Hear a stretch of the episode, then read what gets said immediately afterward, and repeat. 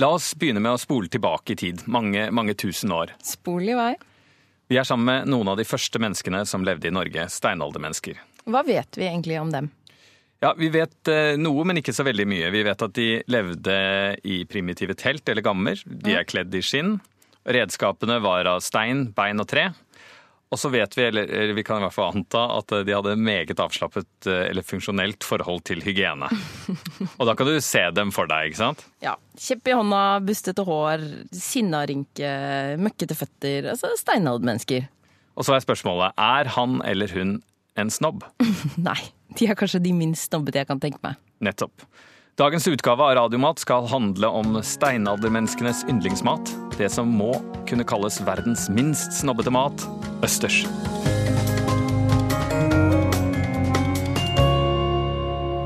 Den italienske futuristen Filippo Tomassi Marinetti drømte om at en gang i fremtiden ville man kunne formidle mat gjennom radio. At man rett og slett spiste det man hørte. Helt slik er det ikke blitt, men nesten. Og med dette programmet, som vi har valgt å kalle nettopp Radiomat, skal vi prøve å gi deg spiselig kunnskap. I Radiomat skal vi snakke om matens kulturhistorie, om råvarer, om matens betydning opp gjennom historien og i vår tid. Og vi skal snakke om smak, for hva er egentlig bedre enn når vår sult på god mat og vår nysgjerrighet på kunnskap smelter sammen? Ovenfor meg sitter kokebokforfatter, matentusiast og småbonde Andreas Vistad. Han er den eneste jeg kjenner som har tinglyste østersrettigheter. Og overfor meg sitter matblogger, radiomenneske og skalldyrelsker Pia Skjevik. Jeg må innrømme det, jeg spiser ikke østers hvis jeg ikke kan stole på han som selger meg de. Og det er jo egentlig klokt å gjøre. Det er noe veldig, veldig spesielt med østers. Det er veldig annerledes enn nesten all annen mat vi har. Eh, når, den, eh, når den er uåpna, så ser den litt ut som en stein, egentlig. Og så når du åpner den, så ser den jo ikke ut som kjøtt eller fisk eller eh, en plante. Den ser jo mest ut som Den ser litt ekkel ut. Ja, Man bør ikke egentlig sammenligne med noe, men hvis man skal gjøre det, så er det jo egentlig rett og slett mest med en snørrklyse. Du gjorde det, du. Ja, jeg gjorde det. Ja. Eh, eh, den irske forfatteren Jonathan Swift han, han eh, sa jo at det var en modig mann som først spiste en østers. Vi har jo en rar måte å tenke på østers på. Vi tenker på det på den ene siden som noe som kan være litt ekkelt, noe litt skummelt. Mm. men samtidig som noe litt fint og noe snobbete. Men det som i hvert fall er tilfellet, er at for de fleste av oss så er det en tilvendt smak. Det er det absolutt. Men kan vi ikke bare et øyeblikk gå tilbake til steinaldermenneskene? For eh, du har nå koblet dem opp mot østers, men, men var de ikke først og fremst jegere? Jo, de var nok veldig opptatt av jakt, men tenk deg hvor ofte bytte bare løp. Fisk, da. Ja, de, de, de drev jo også og, og fiska, men eh, det er ikke alltid fisken vil bite. Hva med fugler? Ja, Fuglen er mye av det samme problemstillingen, og du kan si fuglen har fløyet. Ja, ok, greit. Hva med ville bær, da? Og, og urter? Det var også en viktig del av det jegere og sankere spiste. Men eh, ærlig talt, det er ikke så mye næring du får ut av eh, gjøksyre og skvallerkål. Ok, Så de måtte ha protein på en eller annen slags måte? En felles ting for veldig mange steinalderbosetninger, noe av det arkeologene finner mest av, er det man kaller kjøkkenmøddinger. Altså avfallsplasser. Ja. Eh, og da er det veldig ofte meter på meter av skjellbanker i tilknytning til bosetningene. For hvis du da tenker at, eh, at de ville dyrene har løpt, fisken vil ikke bite, fuglen har fløyet, eh, er det én mat som du kan være ganske sikker på at ikke vil stikke av, så er det østers. Og den kan du ofte finne på sånne banker som er på veldig, veldig grunt vann. Så eh, der hvor jeg holder til på Sørlandet, i Farsund, der er det funnet kjøkkenmøddinger som man regner med at det er 5000-6000 år gamle. Og den dag i dag så er det steder hvor man kan gå ut og, eh, og bare plukke. Altså du kan vasse, rett og slett, og, og, og plukke østers. Og, og det må jo ha vært en fantastisk kilde til, eh, til mat for, eh, for mennesker som ikke har en teknologi som gjør at de kan, eh, at de kan være helt sikre på hvor det neste måltidet kommer fra. Jo, men samtidig, da. Altså, jeg har fem eller seks forskjellige typer østerskniver, og selv jeg sliter av og til med å få åpnet de. Hvordan gjorde de det? Ja, Det er vanskelig å åpne. uh, Vi skal mot slutten av programmet komme til en oppskrift som kanskje kan være en, en slags uh, nøkkel til det. Uh, hvor du faktisk kan åpne skjellene uten noe redskap i det hele tatt. Men, men nettopp av, av den type grunner så har det vært mye sånn fagdiskusjon blant historikere og arkeologer om, om nettopp østers. Og jeg hadde nettopp en østerssnakk med arkeologiprofessor John Prescott ved Universitetet i Oslo. Selvfølgelig hadde du det. Og han forteller at For noen år siden så ble det introdusert en radikal idé. Noe mm. av det man vet, er at folk spiste veldig veldig mye østers. Mm. Men da ble det lansert ideen om at overgangen til landbruk i Norge skjedde fordi det var dårlige tider for skjell. At man enten hadde spist for mye østers, eller at det var en eller annen sånn klimatisk eh, grunn til at det ble mye, mye færre skjell. Altså overgangen til jordbruket generelt? Ja, og det er veldig radikalt. Fordi det er den største historiske endringen når vi går fra å være jegersankere til å bli, eh, å bli bønder. Hvis det hadde vært fri tilgang, så hadde vi bare sittet i fjæra fremdeles? Ja, det er jo det som er, er spørsmålet. Men denne forklaringsmodellen har, har blitt eh, i hvert fall møtt med stor kritikk, eller tilbakevist. Fordi det rett og slett ikke er nok næring i østers til at det kan ha vært det viktigste næringsmiddelet.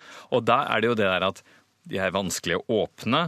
Det tar en del energi å sanke dem hvis mm. du skal sanke dem over et større område.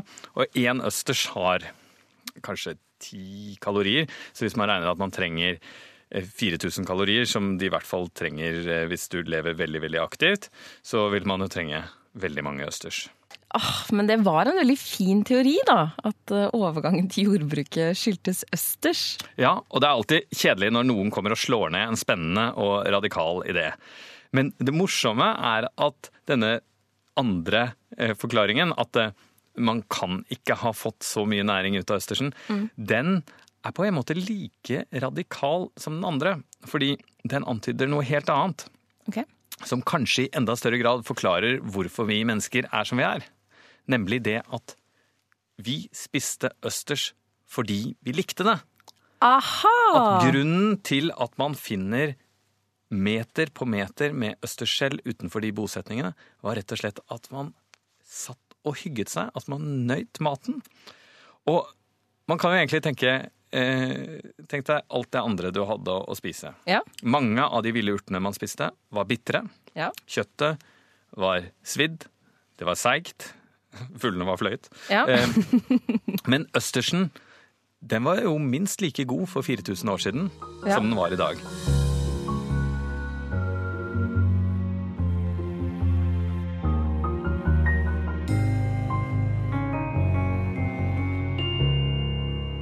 Hvis du liker radio og liker mat, så må du gjerne følge Radiomat på Instagram eller Facebook. Der heter vi NRK Radiomat. Men la oss holde oss til dette som vi var inne på, med at østers har et rykte, et ufortjent rykte, som snobbemat.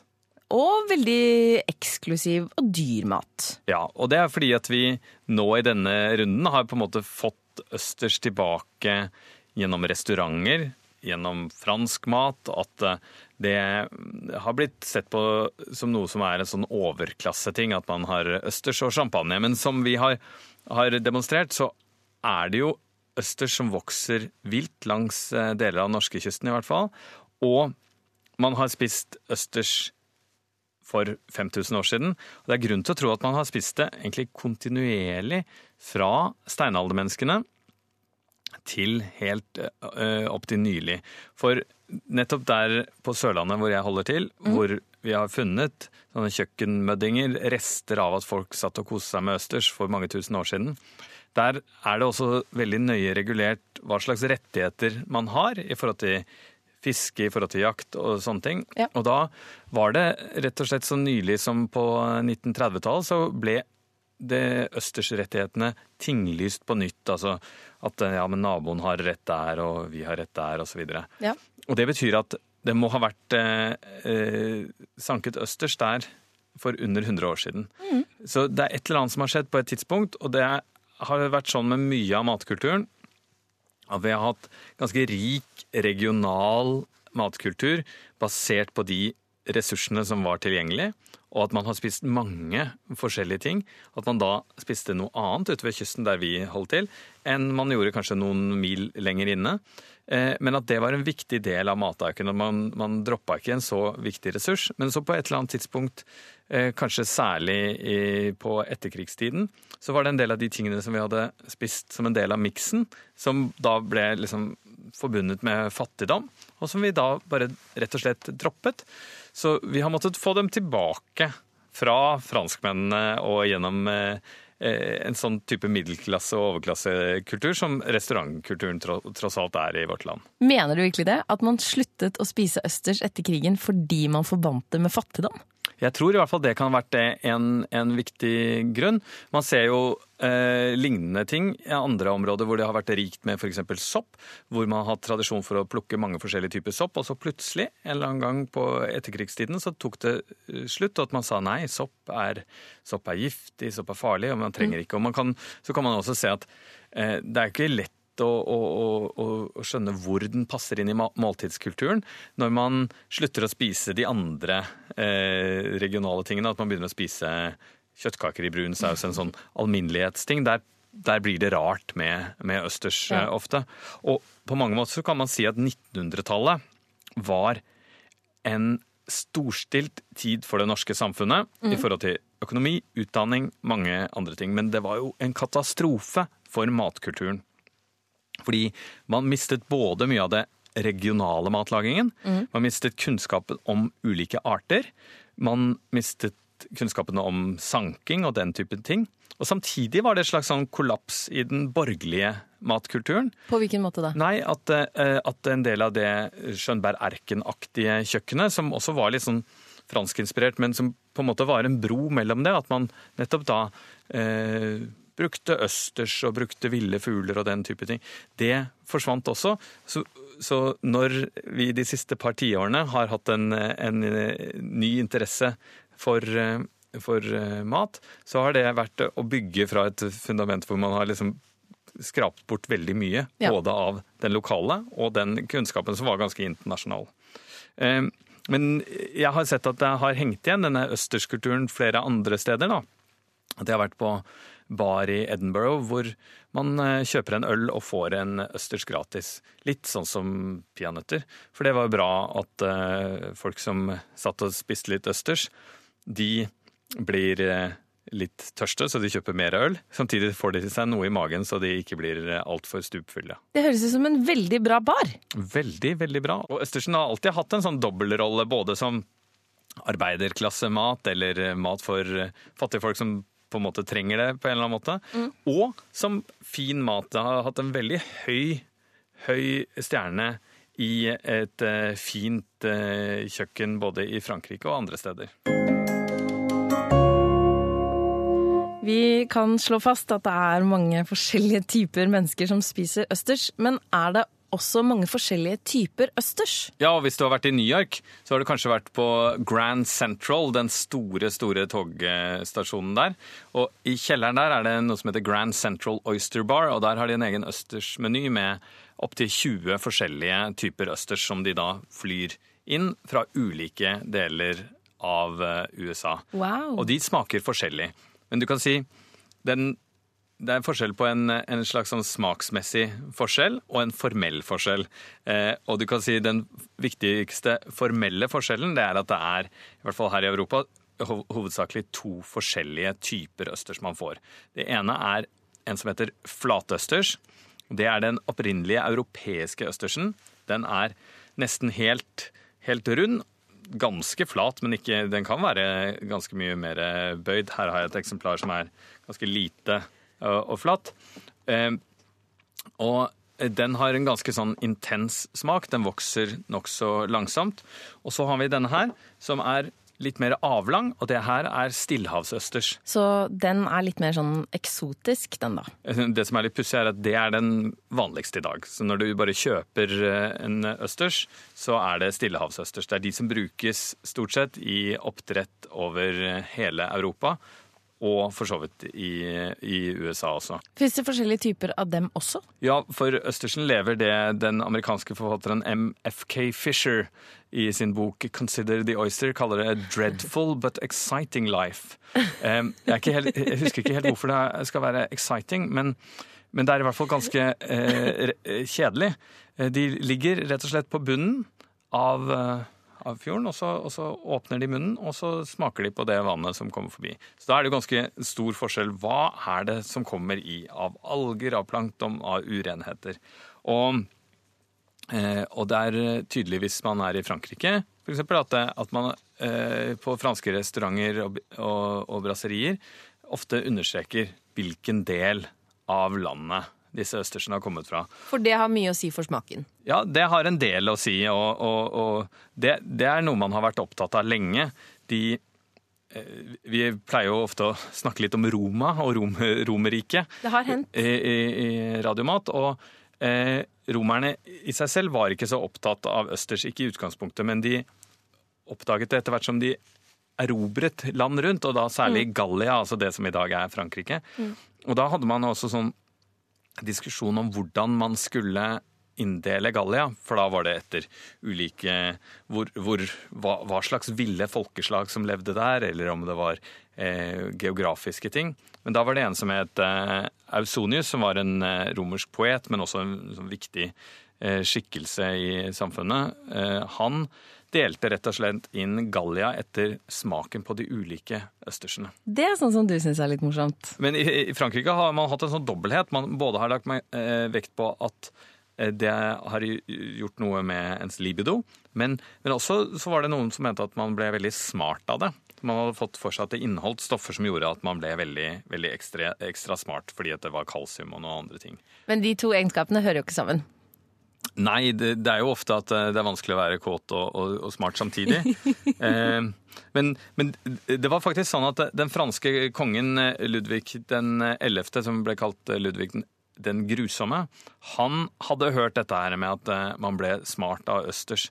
Så det sies at han tok alle sine professorer og, og liksom samlet dem en, en dag i året og, og insisterte på at de skulle spise mange mange østers, at de liksom ble overvåket når de spiste østers. Jeg syns ikke det hørtes så grusomt ut, egentlig. Som om, om det er så eh, funksjonelt, da. Ja. Eh, og franske gourmet eh, de smykket seg med å spise riktig mange østers. At de sa at de spiste ett gross med østers.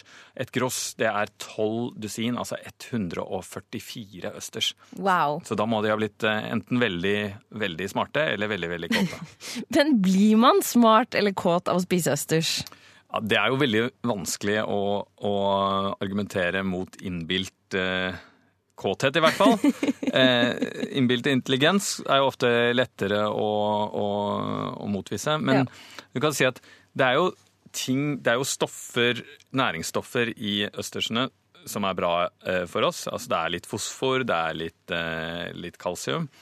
Og så er det ikke til å, å, å, se bort fra at det er noe litt sånn Det er noe veldig spesielt med konsistensen, med det litt sånn eh, nesten sånn kjønns, kjønnslige elementer ved Østersen. Men så er det jo også noe veldig spesielt med Østersens liv. Jeg vet ikke hvor mye man visste om det i gamle dager, men det er jo sånn at eh, Østersens biologi er litt uh, særegen. Okay. Uh, de er tvekjønnet, og det er det jo en del dyr som er. Altså rekene er jo først menn, og så, og så damer. Mm. Men Østersen, de bytter kjønn litt fram og tilbake. I løpet av sin levetid? Ja, og de kan Det er sånn at de liksom av og til tenker oh, nå har det vært deilig å være dame, og så, og så bytter de. Men de kan da te, i teorien også faktisk veksle så fort, for de har begge kjønnsorgan, så de kan faktisk befrukte sine egne egg. Oi! Så det er litt eh, Jeg vet ikke om du har sett eh, den eh, filmen som heter Fletch 2? Der, det, der er det i hvert fall en, en herlig kommentar om noen veggdyr. Om at de formerer seg gjennom masturbasjon. Og det kan man jo nesten si om østersen. At de er kåte på seg selv. Smart, da.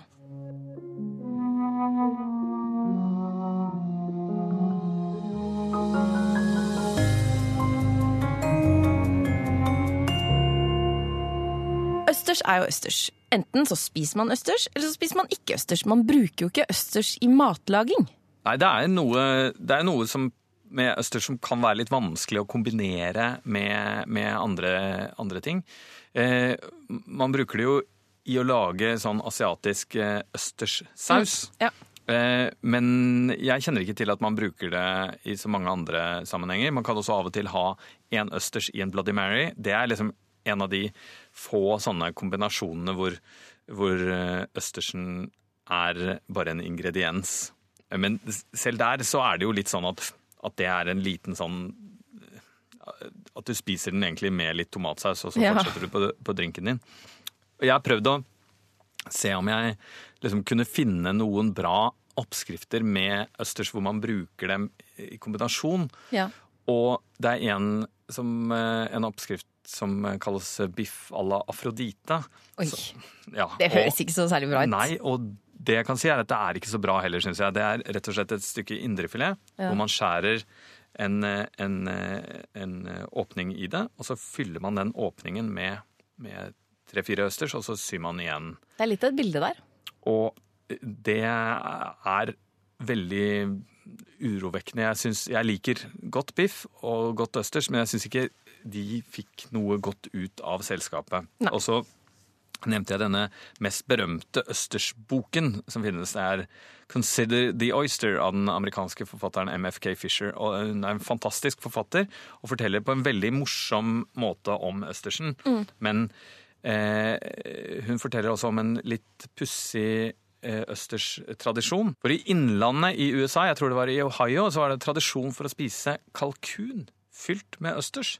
Og så skriver hun for mange ville julen vært en fiasko uten kalkun med østersstuffing. Å utelate østersstuffingen hadde vært det sikreste tegnet på en familie i oppløsning. Akkurat som om mor kom i kirken med korsettet sitt utenpå kjolen, eller onkel Jim tok med seg sin unge elskerinne på familiens piknik. Jeg skjønner jo nå at du har prøvd dette. Ja, jeg har ikke prøvd det med kalkun, eh, for jeg var litt skeptisk. Ja. Jeg har prøvd det med kylling.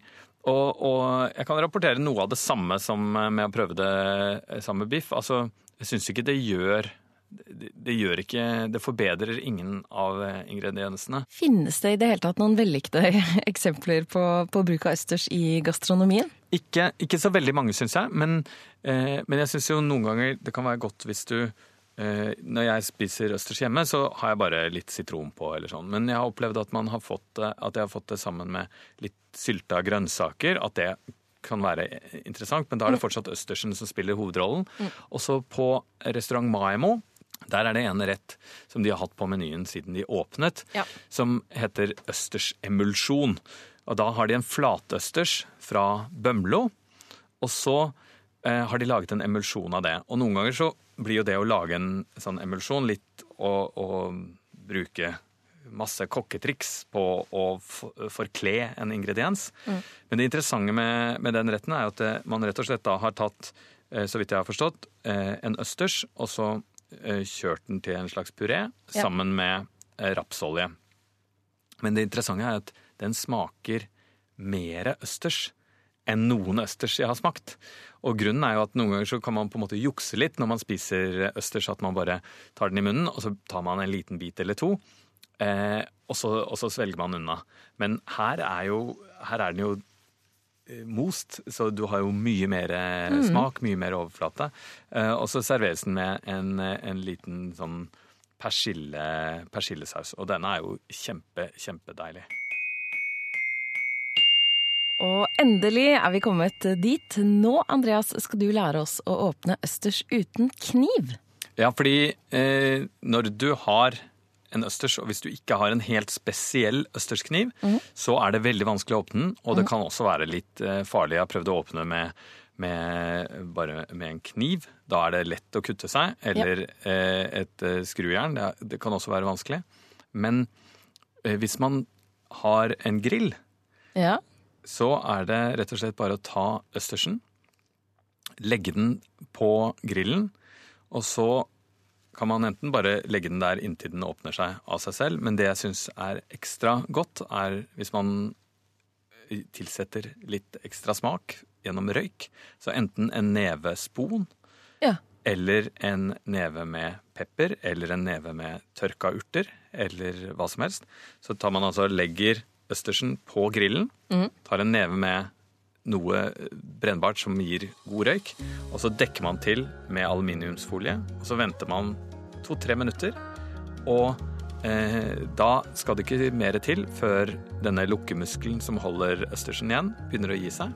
Da løfter man den bort, og så spiser man eh, østersen litt varmet. Det er også en veldig fin ting, synes jeg, når jeg gir østers til folk som ikke er vant til det. Ja. At det, den trekker seg litt sammen, blir litt mindre skummel. Ja. Kanskje med denne her røyken også, så, så, så er eh, smaken litt lettere å bli kjent med, litt mindre fremmedartet.